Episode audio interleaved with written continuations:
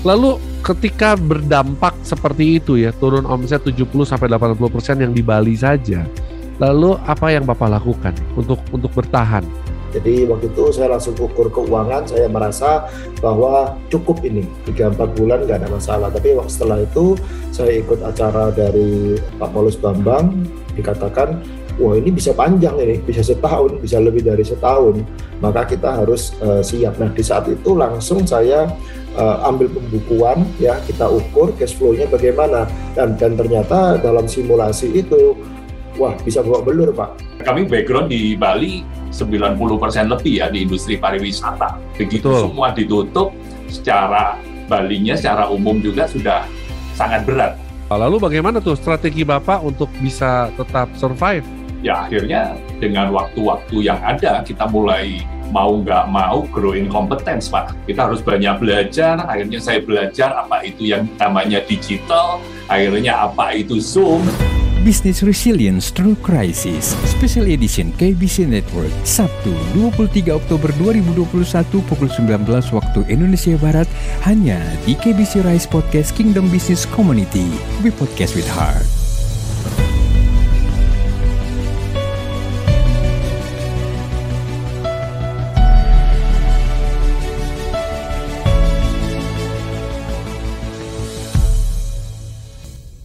Shalom apa kabar semua saudara-saudari terkasih di mana pun Anda berada? Kembali lagi di dalam program KBC Rise Podcast. Bersama dengan saya Tony Chan, host Anda pada kesempatan kali ini. Dan pada kesempatan kali ini, saya luar biasa sekali bersyukur sebab kami kedatangan seorang yang sungguh luar biasa dan kita akan berkenalan dengan beliau. Dan saya mau sapa dulu selamat datang Pak Yohanes Suryanto. Shalom, selamat datang Pak Tony. Wow. Bersama-sama. Luar biasa. Apa kabar Pak Yohanes? Puji Tuhan, baik Pak Tony. Biasa enaknya dipanggilnya apa nih, Pak Yohanes atau Pak Suryanto? Uh, Pak Yohanes saja. Pak Yohanes saja ya, uh. oke. Okay. Pak Yohanes, boleh bercerita sedikit nih. Pak Yohanes dari kota mana domisilinya? Saya tinggal di Denpasar, Bali, Pak Tony. Tinggal di Denpasar, Bali. Oke, boleh ceritakan sedikit tentang bidang bisnis yang saat ini dijalani? Ya, saya profesi seorang financial planner, personal financial planner tempat. Personal financial planner, wow, ya. menarik. Ya, lalu sudah berapa lama Pak menggeluti profesi ini? Saya kurang lebih fokus sebagai seorang independent financial planner sekitar dari tahun 2016 dari 2016. Dari 2016. Okay. Berarti sebelumnya bidang apa nih? Kok bisa tiba-tiba beralih ke financial planner? Ya, saya kurang lebih dari tahun 2004, saya di industri keuangan, saya di perusahaan asuransi. Jadi background saya, saya seorang praktisi di asuransi. Oh, oke. Okay. Lalu apa bedanya praktisi di asuransi dengan financial planner? Apa bedanya, Pak? Ya, kalau saat ini saya sebagai seorang independent financial planner, saya nggak bawa suatu bendera dari perusahaan mana pun, baik perusahaan asuransi maupun produk keuangan perbankan lainnya. Itu aja bedanya, Pak. Jadi Oh, bedanya itu ya. Betul. Kalau kalau dulu mengacu kepada satu brand, satu bendera. Sekarang Betul. lebih independen ya. Betul, Pak Sangat menarik. Baik. Nah, lalu Pak Yohanes, di Bali tinggal sebagai seorang independent financial planner dan dua, hampir dua tahun kita mengalami yang namanya pandemi COVID-19 nih. Yes. Nah, bagaimana Pak? Kan banyak orang susah duit nih sekarang nih. Lalu bagaimana seorang financial planner seperti Bapak bisa bertahan dan apa kontribusi Bapak kepada kota dan bangsa ini nih Pak? Ya, kami di Denpasar Bali terutama Pak ya, sangat terdampak kalau tadi bicara permasalahan keuangan, financial planner pun kalau di sini dikasih song juga bisa bermasalah keuangan juga nih Pak. ya kan? Iya betul. Karena kami background di Bali 90% lebih ya di industri pariwisata. Begitu Betul. semua ditutup, cara Balinya secara umum juga sudah sangat berat. Nah, ya. kalau dihubungkan dengan pekerjaan saya secara pribadi, pekerjaan saya juga pekerjaan yang harus ketemu orang. Betul. Nah, jadi begitu pandemi ada tahun 2000 awal 2020 ya, begitu sudah mulai stop work from home, nggak boleh ketemu orang, harus jaga jarak, ya jadi satu kesulitan yang yang menarik, Pak Tony. Wow. Lalu bagaimana, mohon maaf nih Pak, bagaimana Bapak bertahan hidup ya sekarang ya, bertahan hidup dengan menyikapi kondisi yang ada? Oke, kalau bertahan hidup dengan eh, dengan kondisi yang ada, tentunya di dalam perencanaan keuangan kan kita sudah belajar tuh. Untuk fondasi, puji Tuhan, saya sudah mulai mempersiapkan. Untuk dana darurat juga ada.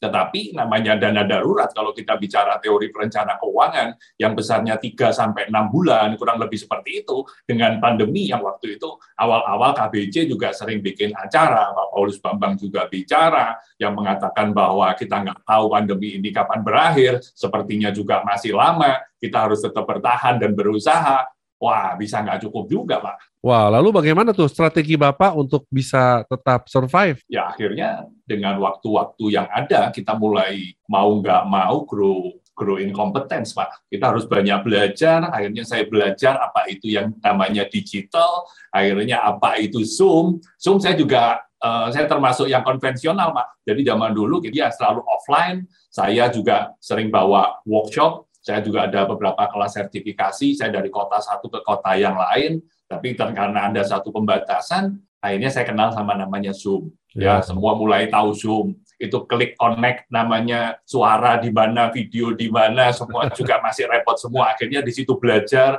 saya ikut acara bagaimana menggunakan Zoom dan lain-lain. Ya akhirnya kita perlahan-perlahan orang mulai mengenal dan kami sudah mulai membuat satu kelas-kelas online. Wow, ini yang menarik nih.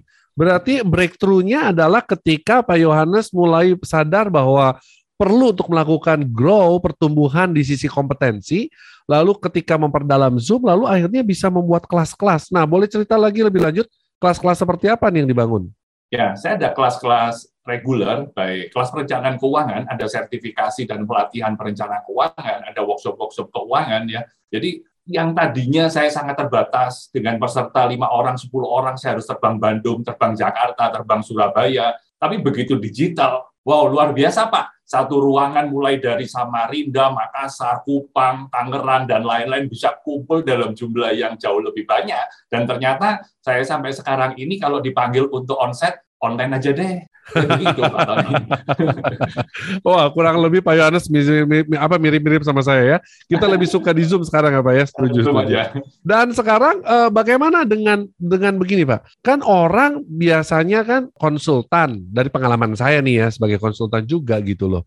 Ketika offline mungkin let's say pendapatannya sekian gitu ya. Lalu ketika di online kan kita nggak mungkin bisa mendapatkan value atau amount yang seperti offline, Pak. Tapi bagaimana di bisnis Bapak ini, Pak? Kalau di bisnis saya, Pak, justru boleh dibilang setelah awal pandemi, terus tadi Zoom orang mulai mengenal kelas-kelas, ya awal-awal kami banyak juga akan berkontribusi ikut ikut menguatkan dengan kondisi yang ada apa yang harus dilakukan secara keuangan yeah. itu ya mulai yeah. dari situ perkenalan belajar sampai akhirnya kelas-kelas sekarang sudah malah jauh lebih banyak dibandingkan dengan saat offline. Wow, menarik sekali ini ya. Nah, mungkin di segmen terakhir ini mungkin saya pengen tahu juga nih, Pak Yohanes, apa yang menyebabkan Bapak akhirnya memutuskan untuk mau berubah? Nilai-nilai apa yang Bapak uh, jalankan, apa yang Bapak hidupi, sehingga akhirnya Bapak mau grow in competence dan mulai punya hikmat, oh kayaknya saya perlu bikin kelas-kelas di Zoom. Nah, value-value apa yang mungkin Bapak bisa bagikan? Ya, kalau bicara value, saya mengenal KBC sekitar tahun 2013, Pak. Jadi, saya pakai namanya value glory, itu betul-betul saya terapkan, Pak. Saya wow. berusaha selalu belajar menerapkan nilai-nilai glory. Bagaimana wow, kita berkat center, loyal to process, obedient to truth, real spirit of excellence, yielding right. Ya, itu yang menguatkan saya itu yang menguatkan saya sehingga saya terus harus fokusnya ke mana. Kalau kita fokus kepada Tuhan, kita mau belajar terus menjadi pengelola yang baik, itu sangat menguatkan kami. Jadi value-value glory betul-betul, jadi value-value glory betul-betul hidup dan menghidupi segala sesuatu aspek di dalam kehidupan Pak Yohanes ya. Sehingga ya. akhirnya itulah yang membuat Bapak bisa bertahan bahkan tadi saya senang sekali mendengar bahwa apa yang didapatkan sekarang justru lebih baik dibandingkan zaman sebelum pandemi ya Pak ya. Wow, menarik sekali. Dan senang sekali ya malam hari ini para riser dan podcast listener di mana pun Anda berada bahwa kita mendapatkan lagi satu inspirasi dari seorang Bapak Yohanes Suryanto bahwa ternyata justru kadang-kadang di dalam kondisi sulit, di dalam krisis, ada banyak sekali peluang. Dan ternyata peluang itu dapat kita temukan justru ketika kita memiliki nilai-nilai yang dapat eh, apa namanya yang kita dapatkan di dalam program KBC ini. Wow, luar biasa, sangat menarik. Dan Pak Yohanes Suryanto, ada nggak hal lain yang mau disampaikan? Silakan. Iya, jadi sebetulnya saya masih ada satu permasalahan dengan digital tadi itu. Nah, boleh nih. Wah, masalah apa nih? Uh, semua online, semua online. Dulu kita offline ya. Akhirnya saya kami justru juga membuat satu mencoba membuat satu terobosan sehingga akhirnya untuk membantu uh, masyarakat di dalam mengelolanya akhirnya kami membuat satu sebuah aplikasi perencanaan keuangan, Pak Tony. Wow, ini lebih menarik kami lagi ternyata. Jadi bukan hanya ya, sekedar kelas-kelas di Zoom ya. Sudah rilis Hmm. Jadi ada membuat Betul, sebuah aplikasi. Zoom, tapi kita sudah membuat satu aplikasi. Wah, wow, boleh tahu boleh tahu namanya apa Pak aplikasinya? Aplikasinya uh, kami kasih nama cekkeuanganku.com. Cekkeuanganku.com. Wow. Tolong para uh, podcast listener dan uh, Riser, tolong dicatat cek cek keuanganku.com. Wow, ini sangat menarik sekali. Lalu apa yang uh, menjadi value edit yang menarik dari aplikasi ini, Pak?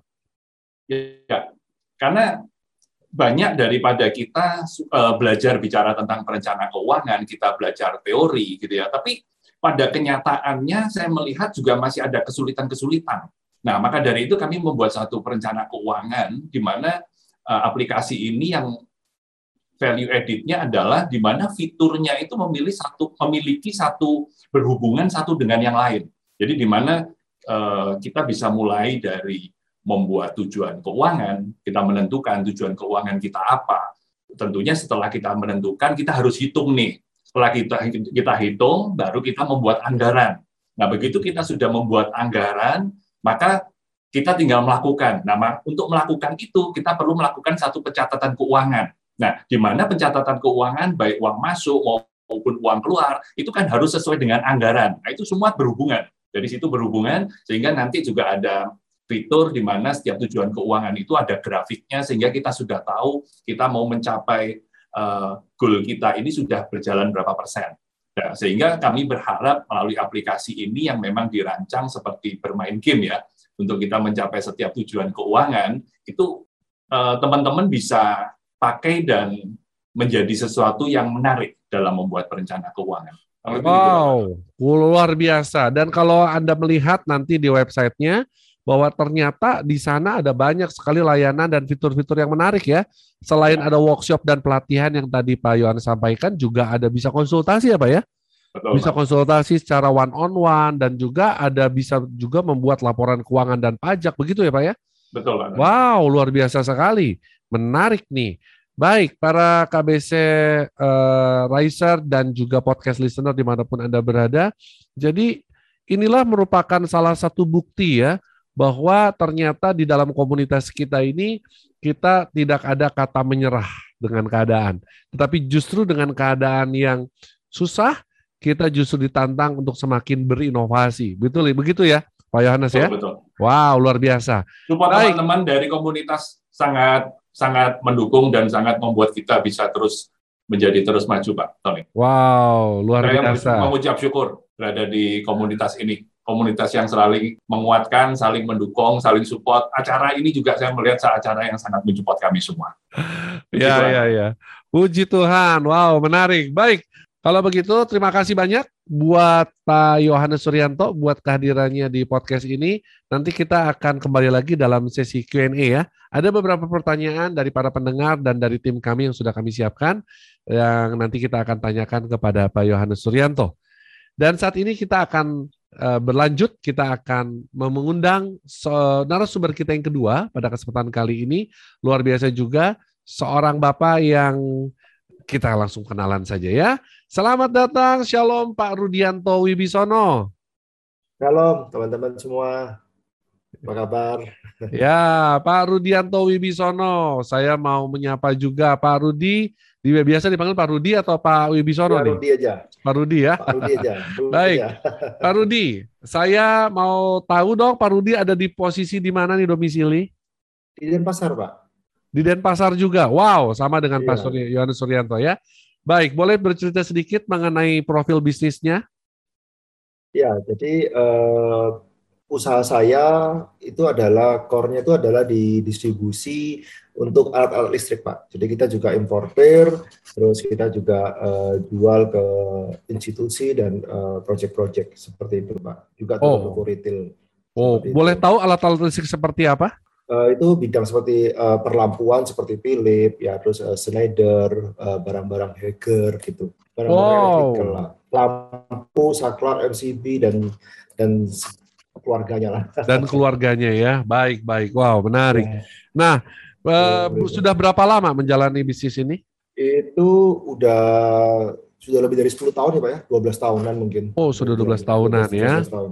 Ya, Baik. itu, Pak. Dan bagaimana nih impact atau dampak dari pandemi COVID-19 ini bagaimana nih terkait dengan bisnisnya Pak Rudi? Dampaknya untuk Bali ya khususnya ya itu eh, sangat luar biasa karena kita memang ada beberapa cabang di Surabaya, Semarang sama Jakarta. Cuma yang paling signifikan itu adalah yang ada di Bali, Pak. Iya. Jadi bisa dibilang itu kita eh, turun tuh 70 sampai 80 persen. Turun Penurunan 70 ini. sampai 80 persen. Wow. Benar, Pak.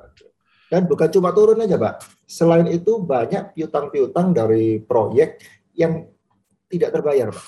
Nyangkut ya berarti ya nggak terbayar Nyangkut, ya. Pak. Nyangkut. Pak. Oke, lalu eh, boleh tahu Pak jumlah karyawan berapa? Eh, jumlah karyawan saya awalnya 35, Pak. 35. Waduh. 35. Ya, yang Ya. yang di Bali ya. Kalau kita eh, bilang seluruh Indonesia hampir 100 mungkin, tapi kalau konteksnya di Bali itu kita ada 35. Hmm, Oke, baik. Lalu ketika berdampak seperti itu ya, turun omset 70 sampai 80 persen yang di Bali saja. Lalu apa yang Bapak lakukan nih untuk untuk bertahan? Ya, jadi begini Pak, awalnya tuh eh, saya merasa pandemi ini cuma tiga bulan Pak, tiga bulan empat bulan selesai ya karena kita lihat dari kondisi di Cina ya. Jadi waktu itu saya langsung ukur keuangan, saya merasa bahwa cukup ini tiga empat bulan nggak ada masalah. Tapi waktu setelah itu saya ikut acara dari eh, Pak Paulus Bambang dikatakan wah ini bisa panjang ini, bisa setahun, bisa lebih dari setahun maka kita harus eh, siap. Nah, di saat itu langsung saya eh, ambil pembukuan ya, kita ukur cash flow-nya bagaimana dan dan ternyata dalam simulasi itu wah bisa bawa belur, Pak. Kalau kita Waduh. terusin ya. Jadi mau nggak mau kita harus melakukan eh, ini ya, reduction cost ya. Lalu bagaimana Pak? Strategi reduction cost apa yang dilakukan? Jadi awalnya itu kita eh, bertahap ya. Eh, jadi kalau biaya-biaya yang nggak perlu udah pasti ya itu langsung kita eh, eliminasi. Itu itu sudah sudah sudah pasti.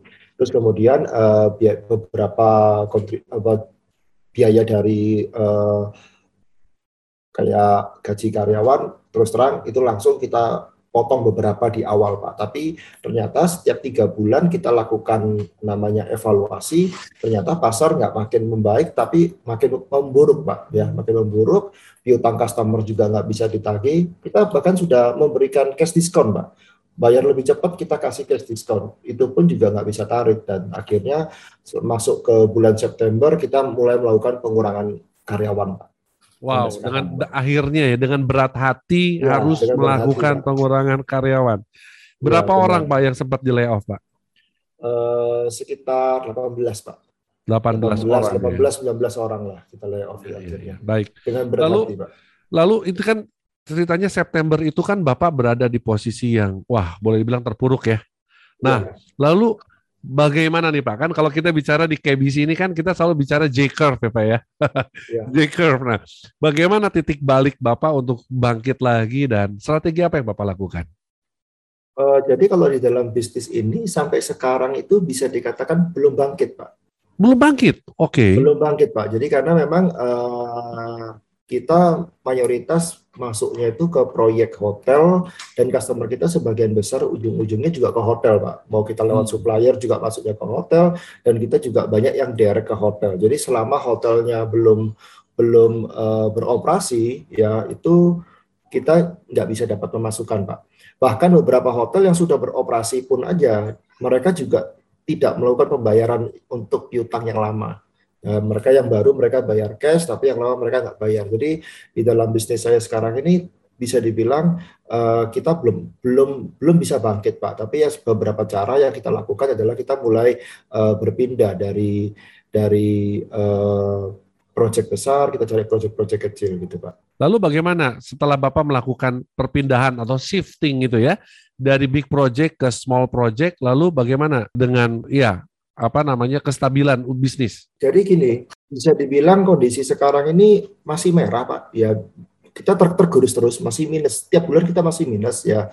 Jadi uh, beberapa kebijakan yang saya lakukan pada waktu itu ya memang uh, gaji yang paling besar yang dikurangi itu ya adalah gaji direksi pak.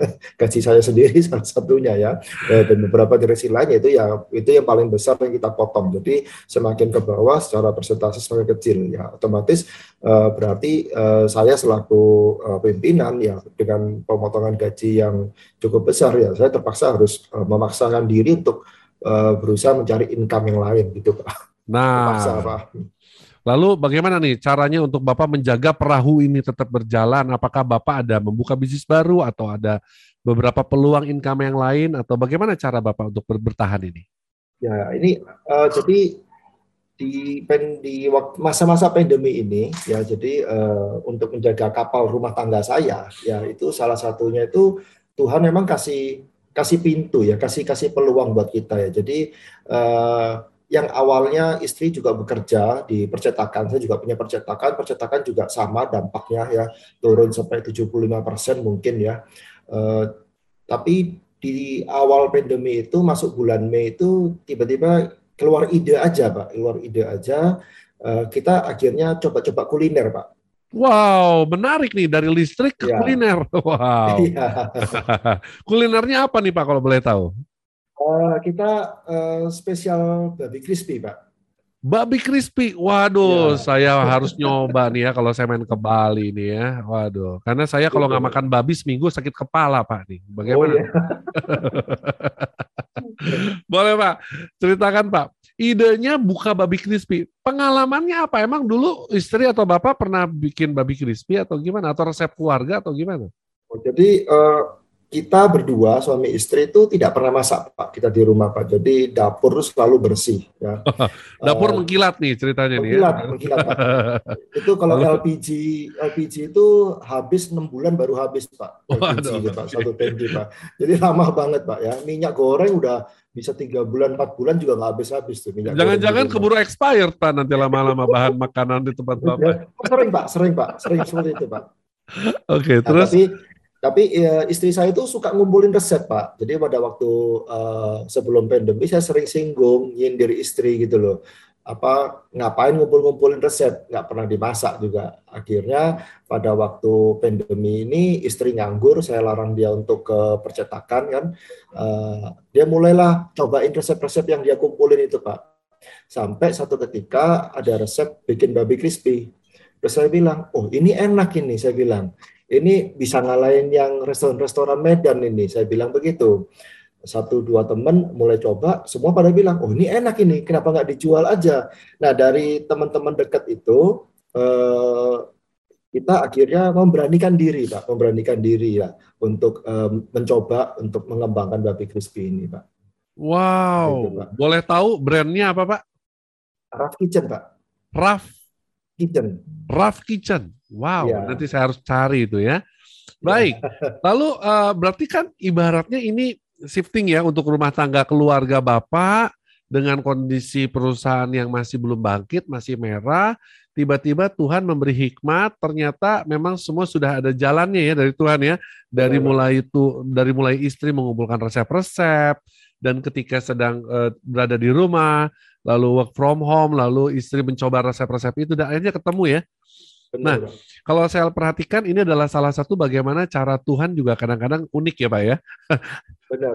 Mungkin tidak pernah terbayangkan oleh Bapak sebelumnya menjadi seorang pedagang babi crispy. Nah, sekarang saya mau tanya nih, hari ini bagaimana perkembangan usaha babi crispy Bapak? Boleh cerita nggak Pak?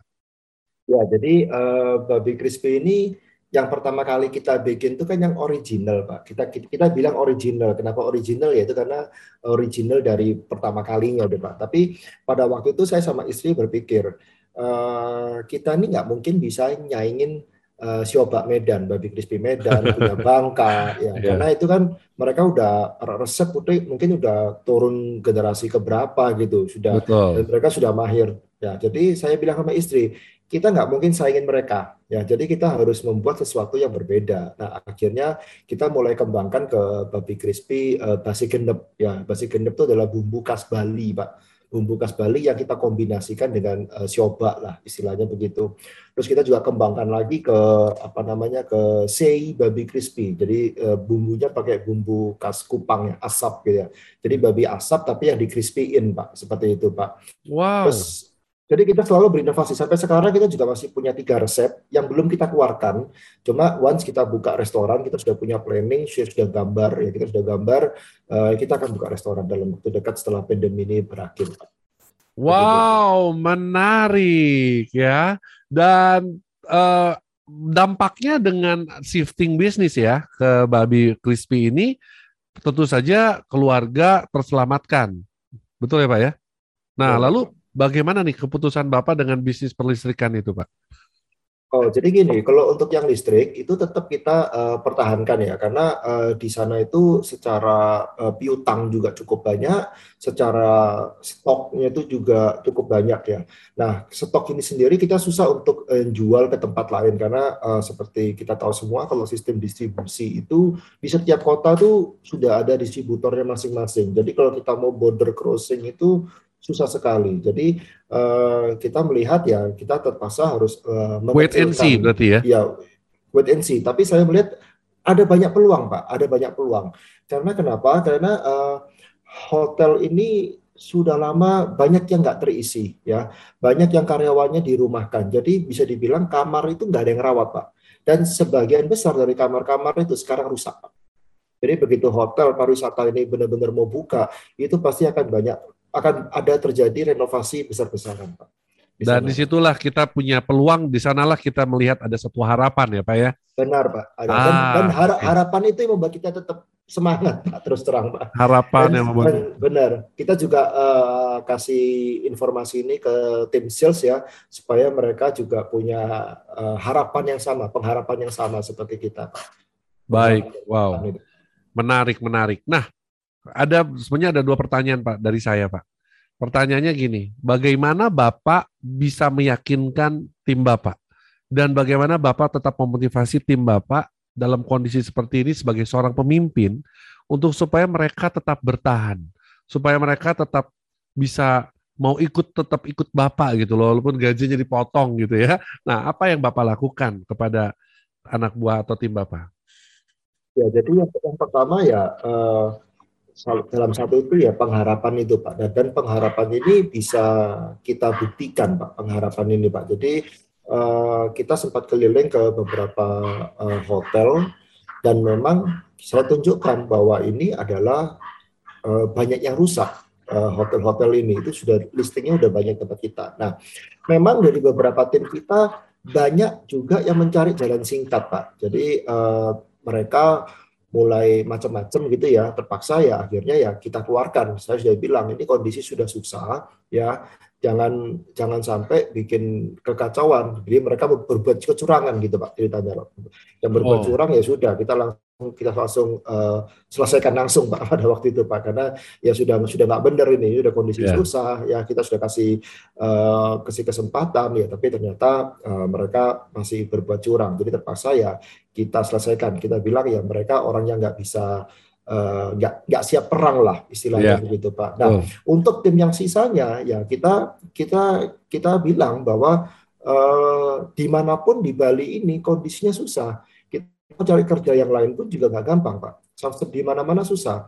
Dan ternyata uh, uh, setelah kita coba uh, beralih fokus ya dari tadi saya bilang dari proyek besar akhirnya kita mencoba untuk berjualan dari rumah ke rumah proyek rumah ke rumah pak dan itu memang hasilnya nggak sebesar dulu tapi secara profit margin itu jauh lebih besar pak dan itu tentunya insentif buat mereka juga lumayan Pak. Jadi dari sana mereka juga merasa ya memang kondisi nggak semudah dulu, tapi bukan berarti mereka nggak bisa dapat sesuatu Pak gitu Pak. Ya berarti jalan retail ya berarti Bapak memasuki ya yang iya, biasanya iya, tadinya proyek-proyek besar sekarang main masuk ke retail rumahan proyek tingkat profit mungkin harga kesatuannya lebih besar tingkat profitnya benar, tapi Pak. mungkin secara volume lebih sedikit gitu Pak ya iya benar, nah Pak. itulah yang membuat akhirnya uh, karyawan Bapak juga tetap semangat begitu ya benar, ah Pak. luar biasa ini satu banyak sekali cerita yang yang cukup menarik nih dari dari Pak Rudi ini ya dan ternyata sebagai seorang pemimpin, ya kita mendengar juga ya para podcast listener dan juga para sahabat Riser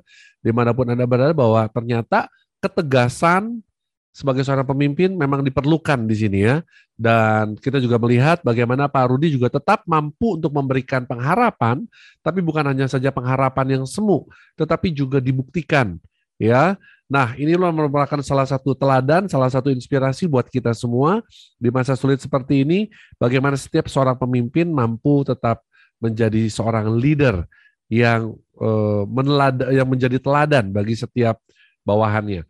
Sungguh luar biasa menarik, menginspirasi Pak Rudi. Begini Pak, ini kan kondisi kita pandemi ini sulit nih ya. Nah, iya. Bapak berada di dalam satu komunitas besar Kingdom Business Community.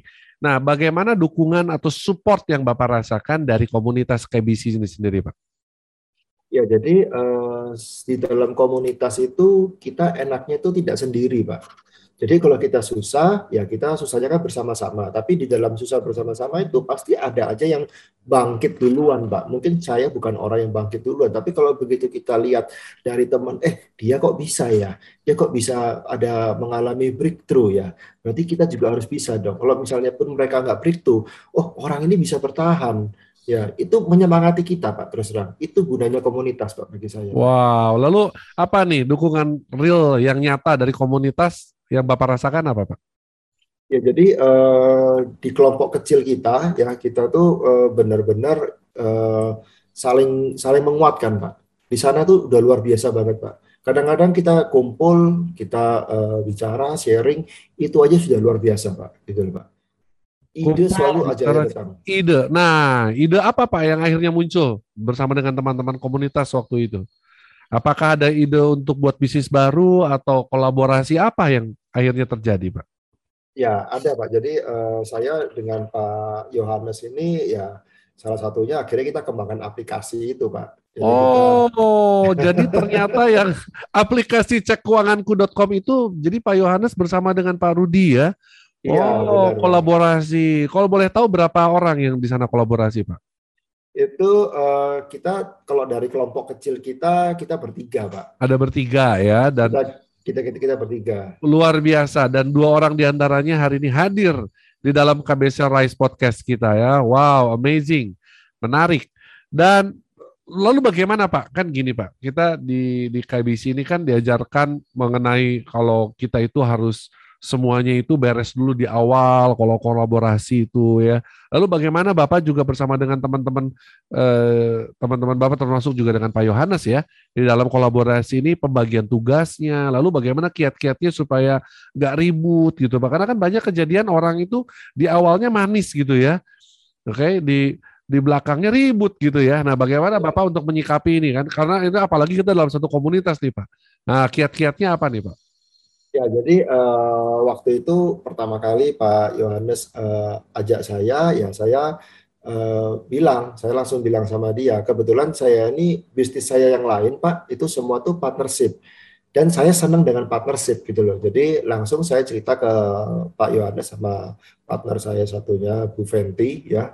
Saya cerita kelemahannya partnership itu seperti ini. Rentan untuk petahnya itu seperti ini. Nah, solusinya apa? Itu saya semua semua saya ceritain, Pak. Lebih baik kita ngomong di awal nggak enak daripada ngomong di belakang. Betul. Jadi kalau ngomong ngomong apa kalau bicara di depan, bicara aja nggak enaknya, selesai. Kalau nggak deal ya udah nggak usah, nggak apa-apa. Mending mending nggak deal di depan, Pak, daripada nggak deal di belakang. betul, betul.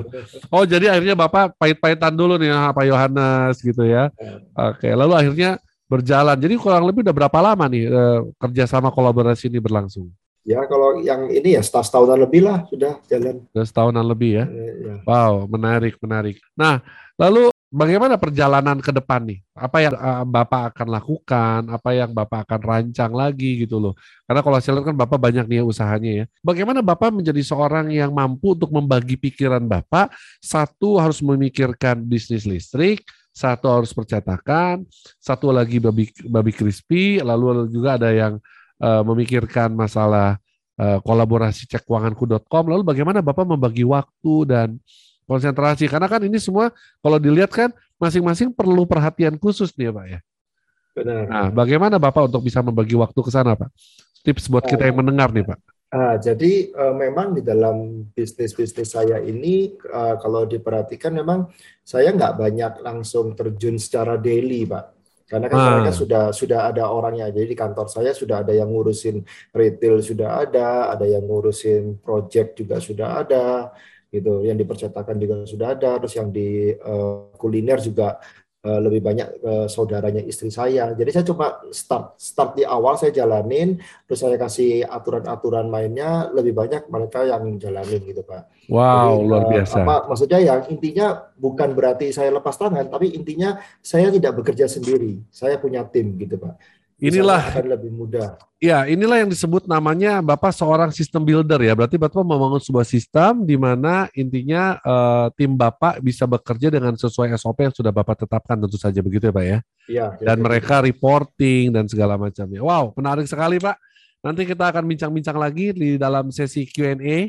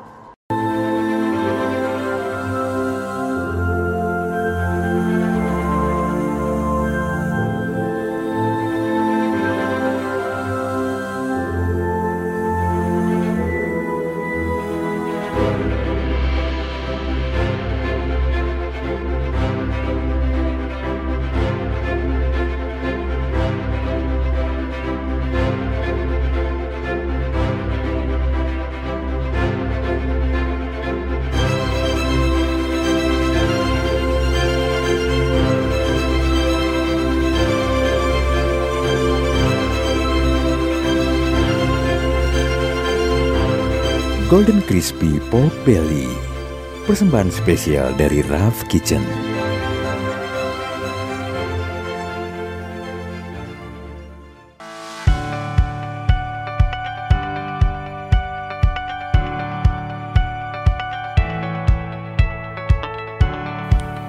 Mungkin kamu termasuk generasi milenial yang memiliki gaya hidup mewah semua keinginan terpenuhi, sampai-sampai uang tidak tersisa untuk ditabung atau diinvestasikan.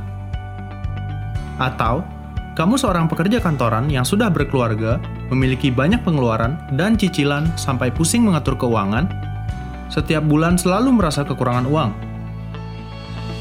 Atau, kamu orang yang hemat dan bergaya hidup sederhana, tapi juga nggak punya aset apa-apa, nggak tahu apa yang seharusnya dilakukan, dan tidak mempunyai tujuan keuangan.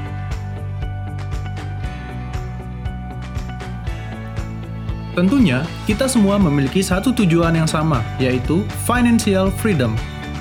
Mungkin Anda bertanya, apa sih financial freedom itu? Financial freedom adalah suatu kondisi di mana seseorang memiliki pendapatan pasif yang besarnya lebih besar atau sama dengan pengeluaran bulanannya. Cek Keuanganku, sebuah aplikasi yang bisa membantu kamu mencapai financial freedom dengan cara yang simple, mudah, dan sangat modern. Hanya dengan menggunakan smartphone, kamu bisa membuat anggaran, mencatat semua uang masuk dan uang keluar, lalu dibandingkan dengan anggaran yang sudah dibuat, mencatat semua aset dan kewajiban, serta bisa rutin melakukan financial check-up. Apa benar kita bisa mengatur keuangan untuk mencapai financial freedom hanya dengan satu aplikasi?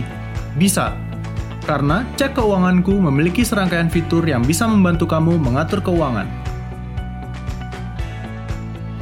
Fitur tujuan keuangan dapat membantu kamu membuat rencana untuk setiap tujuan keuangan, seperti menyiapkan dana darurat, dana pendidikan anak, dana pensiun, dana membeli rumah, dana membeli kendaraan, dana membeli barang, dan dana pernikahan. Dengan SMART, specific, measurable, attainable, relevant, dan timely. Pada fitur anggaran ini, kamu bisa membuat anggaran pendapatan maupun pengeluaran yang nantinya akan berfungsi sebagai kontrol kamu dalam mengatur keuangan. Fitur pencatatan transaksi ini akan membantu kamu mengetahui dari mana saja sumber pendapatanmu dan ke mana saja uangmu keluar. Pada fitur Financial Checkup, ada 10 rasio keuangan yang bisa mengindikasikan kondisi kesehatan keuanganmu. Sehingga, kamu tahu apa yang harus dilakukan dan diperbaiki bila mana ada yang belum sehat. Tidak hanya keempat fitur tersebut, Cek Keuanganku juga memiliki fitur lainnya yang mempermudah kamu untuk mengatur keuangan, dan semua itu bisa diakses dalam satu aplikasi pada smartphonemu. Mudah bukan? Aplikasi Cek Keuanganku akan membuat kamu menjadi sadar akan pentingnya mengatur keuangan, menyeimbangkan penghasilan dan pengeluaran, pentingnya menabung dan berinvestasi, serta membantu mewujudkan impianmu yaitu mencapai financial freedom, menuju masyarakat Indonesia yang lebih melek finansial. Cek keuanganku, sarana mencapai kebebasan finansial. Segera download di Google Play Store cek keuanganku.com. Simple, mudah, modern.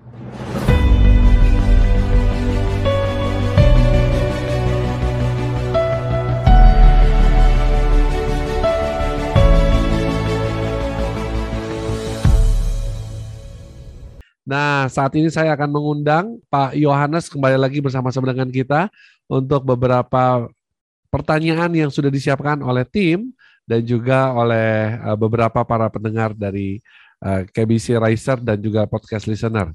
Baik, Pak Yohanes sudah kembali bersama dengan kita? Ya, siap Pak Tony. Luar biasa. Baik, pada kesempatan ini kita mau tanya-tanya nih, ada beberapa pertanyaan yang masuk ke redaksi kami. Baik, pertanyaan pertama nih yang sudah saya siapkan ya. Saya ingin bertanya dulu kepada Pak Yohanes Suryanto. Pak, mau nanya nih, saya juga baru tahu ternyata bisnis cek keuanganku.com ini katanya joinan tiga orang nih, dan salah satunya dengan Pak Rudi. Nah, mau nanya nih, eh, kenapa Bapak kok mengajak Pak Rudi gitu loh, dan teman yang lain? Kenapa kok Bapak nggak bekerja sendiri aja gitu loh Pak? Nah, pertanyaannya gitu Pak. Oke, okay. Uh, eh, saya belajar melalui program dari KPC yaitu Bless saya belajar dari Pak Paulus Bambang bicara tentang talenta. Saya ini orang seorang dreamer, Pak. Ya. Sukanya ngawang-ngawang doang. Banyak ngomongnya, banyak idenya, tapi nggak kerja-kerja, kan gitu, Pak. Nah, saya ketemu arsitek, ketemu builder, ada di Pak Rudi. Saya ketemu shaper, ada di Bu Fenty.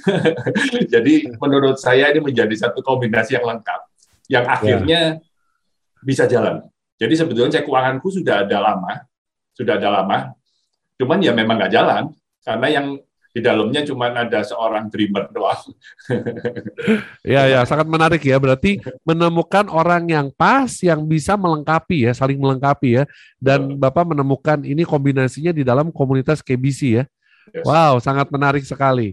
Nah value-nya juga udah sama. Betul value-nya value sama. sama. Wow dan satu hal uh, Pak berarti Bapak semua program KBC dari Camp Sukses Sejati semua sudah mengikuti semua, Pak ya? Sudah. Semua sudah ya. Bersama sudah. dengan seluruh partner-partner Bapak semua sudah ya? Semua sudah. Wah, semua ini sudah. Ibaratnya itu ini nada dasarnya udah sama kalau kita bicara musik ya. Betul. Nada dasarnya sudah sama, betul. cuma tinggal kita memainkan harmonisasinya saja ya. Wow. Betul, betul. Menarik, menarik. Ya.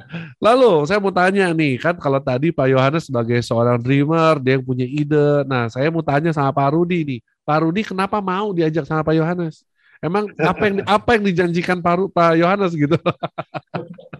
Ya, jadi gini Pak, apa namanya memang saya sudah lama berpikir bahwa bisnis ini uh, harus diversifikasi. Cuma saya memang tidak tidak punya kesempatan. Nah, dulu itu memang saya berpikir bahwa uh, kita kan diajarkan kalau bisnis harus fokus ya. Tapi yeah. memang ternyata uh, apalagi setelah pandemi ini kita jadi tahu justru sesuatu yang fokus justru jadi jadi masalah tersendiri gitu. Jadi memang uh, saya ingin masuk ke dunia uh, pendidikan gitu Pak memangnya.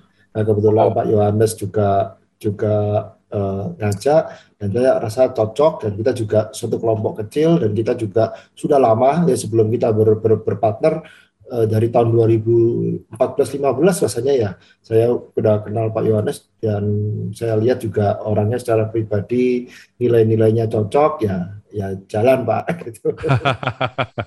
Betul sekali. Memang kita di komunitas KBC inilah ya kita sama-sama dibentuk, sama-sama belajar dan ya. eh, di dalam suatu yang yang paling saya juga sama-sama rasakan adalah bagaimana kekuatan komunitas ini ya saling membantu mensupport di dalam situasi-situasi sulit.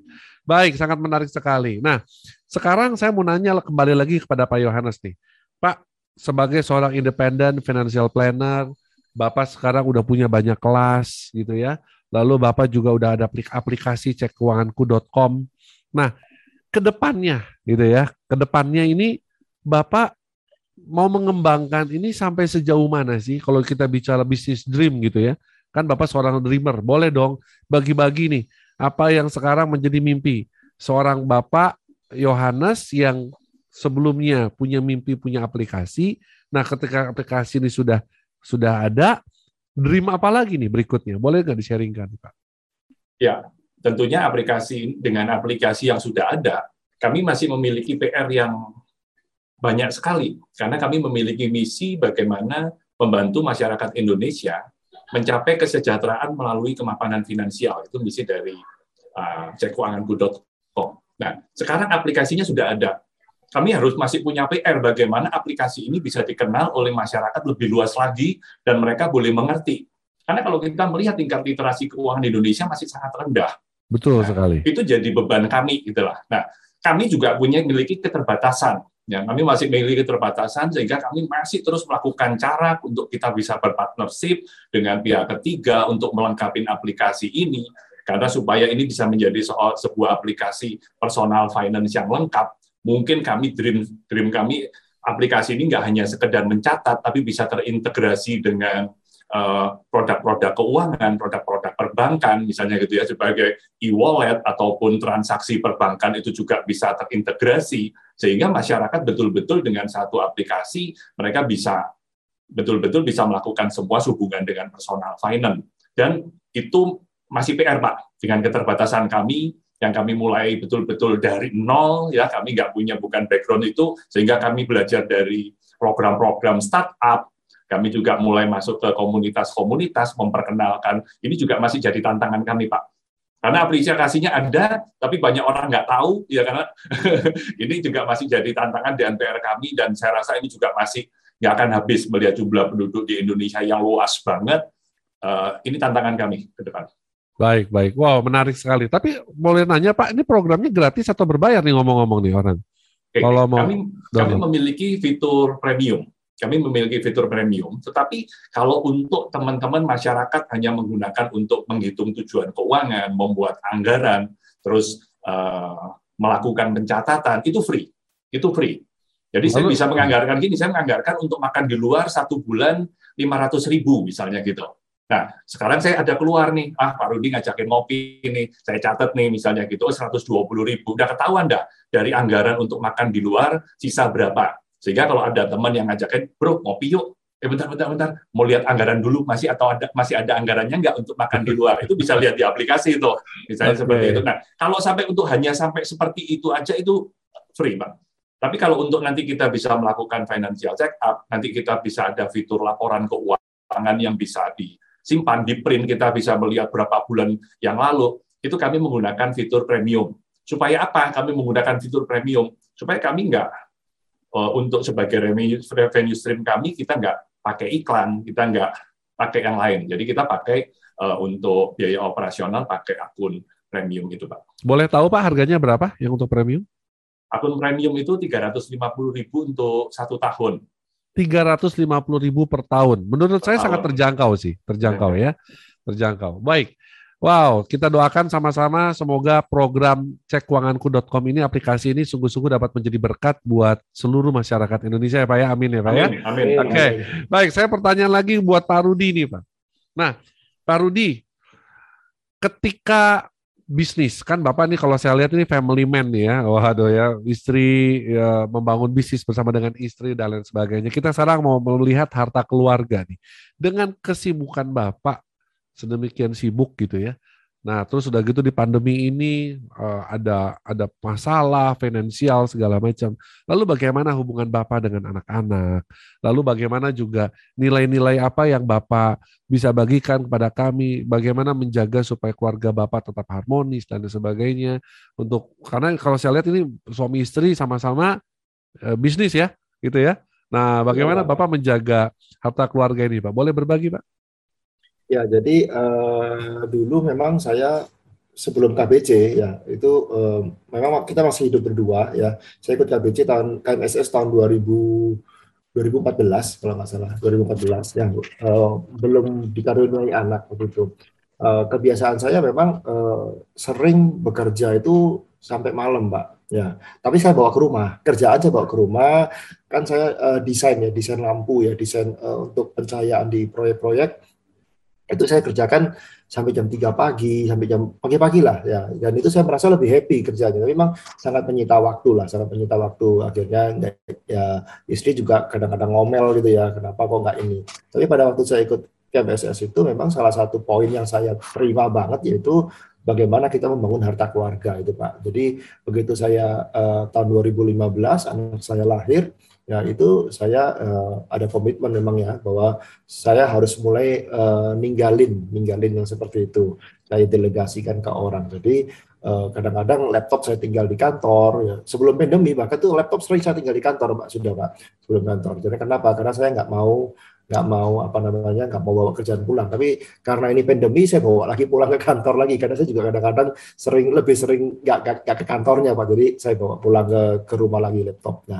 Tapi uh, untuk uh, sama anak ya memang saya selalu meluangkan waktu pak. Pasti saya meluangkan waktu. Jadi saya ada waktu untuk liburan ada waktu untuk kerja. Dan saya merasa uh, uh, sekarang ini hubungan saya dengan anak sama istri dekat banget Pak, bagus banget menurut saya. Bagus banget ya. Walaupun ya, dan, walaupun ada masalah finansial segala macam tapi tetap semakin erat ya gitu ya. Iya, Pak. Oke, pertanyaan yang sama buat Pak Yohanes. Bagaimana Pak Yohanes? Bagaimana dengan harta keluarga usaha untuk Bapak membangun harta keluarga di dalam keluarga? Boleh, Pak? Ya. Kalau kami setiap Sabtu Minggu udah waktu keluarga pasti. Ya, Sabtu Minggu. Tapi Sabtunya biasanya setelah after lunch. Karena saya juga banyak kelas di hari Sabtu, banyak hari kelas di hari Sabtu. Tapi hari Sabtu, hari Minggu udah itu sudah istri anak-anak yang punya acara, punya acara dalam arti yang sudah menjadwalkan. Saya sudah tinggal ikut aja dan itu biasa kami setiap hari Sabtu sampai malam kami di luar, kita ada ke kafe, ada ke pantai, kurang lebih seperti itu. Itu Sabtu Minggu pasti sudah. Itu kita blok sebisa mungkin tidak ada bikin acara. Tapi kelas Sabtu biasanya sampai setengah hari itu tetap ada. Kalau sampai sore, sebulan sekali ada sampai sore, tapi after jam 5 sampai malam dan minggu itu sudah pasti untuk mereka. Wow, menarik ya. Jadi inilah salah satu buah-buah dari nilai-nilai KBC, Glory dengan nama harta kehidupan dan kita sama-sama melihat di sini ketika kita ada sudah berusaha untuk grow in truth, grow in competence dan grow in care, maka Tuhan akan senantiasa membukakan setiap pintu-pintu yang tertutup ya. Dan kita juga sama-sama bisa melihat uh, para uh, eh, KBC Riser dan podcast listener di mana pun Anda berada lewat kedua bintang tamu atau uh, tokoh kita malam hari ini pada kesempatan ini kita melihat bagaimana Tuhan turut bekerja di dalam segala sesuatu untuk mendatangkan kebaikan Amen. bagi setiap Amen. mereka yang mengasihi Dia. Baik, dan di segmen terakhir ini saya uh, rasanya pengen ngobrol lebih banyak lagi, tapi apa boleh buat karena waktu ya. uh, kita harus berpisah dan mungkin saya ingin mempersilahkan kepada Pak Rudi ya untuk memberikan closing statement, sebuah inspirasi mungkin atau pesan-pesan buat kami semua para podcast listener di mana pun uh, mereka berada. Silakan Pak Rudi. Ya, uh, pesan dari saya satu aja ya di masa pandemi ini kita nggak tahu kapan pandemi akan berakhir. Uh, cuma yang pasti kita harus punya pengharapan dan kita tidak boleh berhenti untuk mencoba dan belajar karena uh, saya pribadi justru di masa pandemi ini adalah masa paling banyak saya belajar dan itu jadi berkat itu. Luar biasa. Terima kasih Pak Rudi ya, semakin banyak mencoba banyak belajar.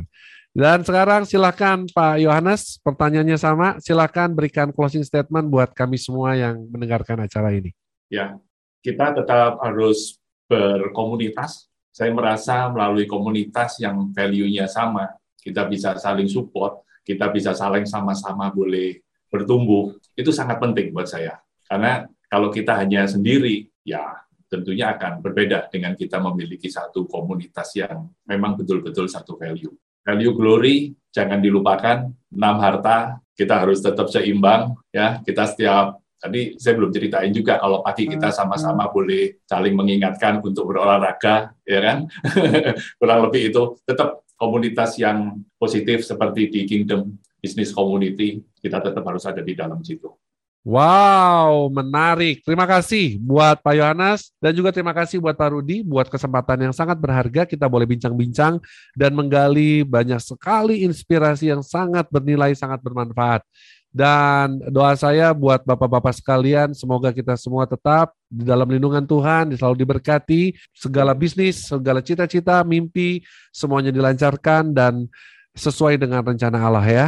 Dan baik, para KBC Riser dan podcast listener di mana pun Anda berada, inilah akhir perjumpaan kita di dalam episode kali ini. Saya Tony Chan undur diri dari ruang dengar Anda. Sampai jumpa di acara yang menarik lainnya. Wow, menarik.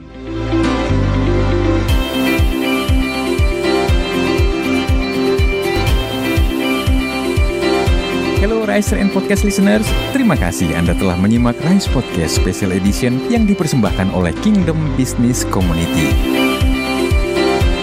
Harapan kami setiap episode Rise Podcast dapat menginspirasi Anda untuk terus mengalami transformasi dalam melakukan bisnis dan profesi Anda untuk tujuan yang mulia, membangun bisnis melalui manusia dan membangun manusia melalui bisnis.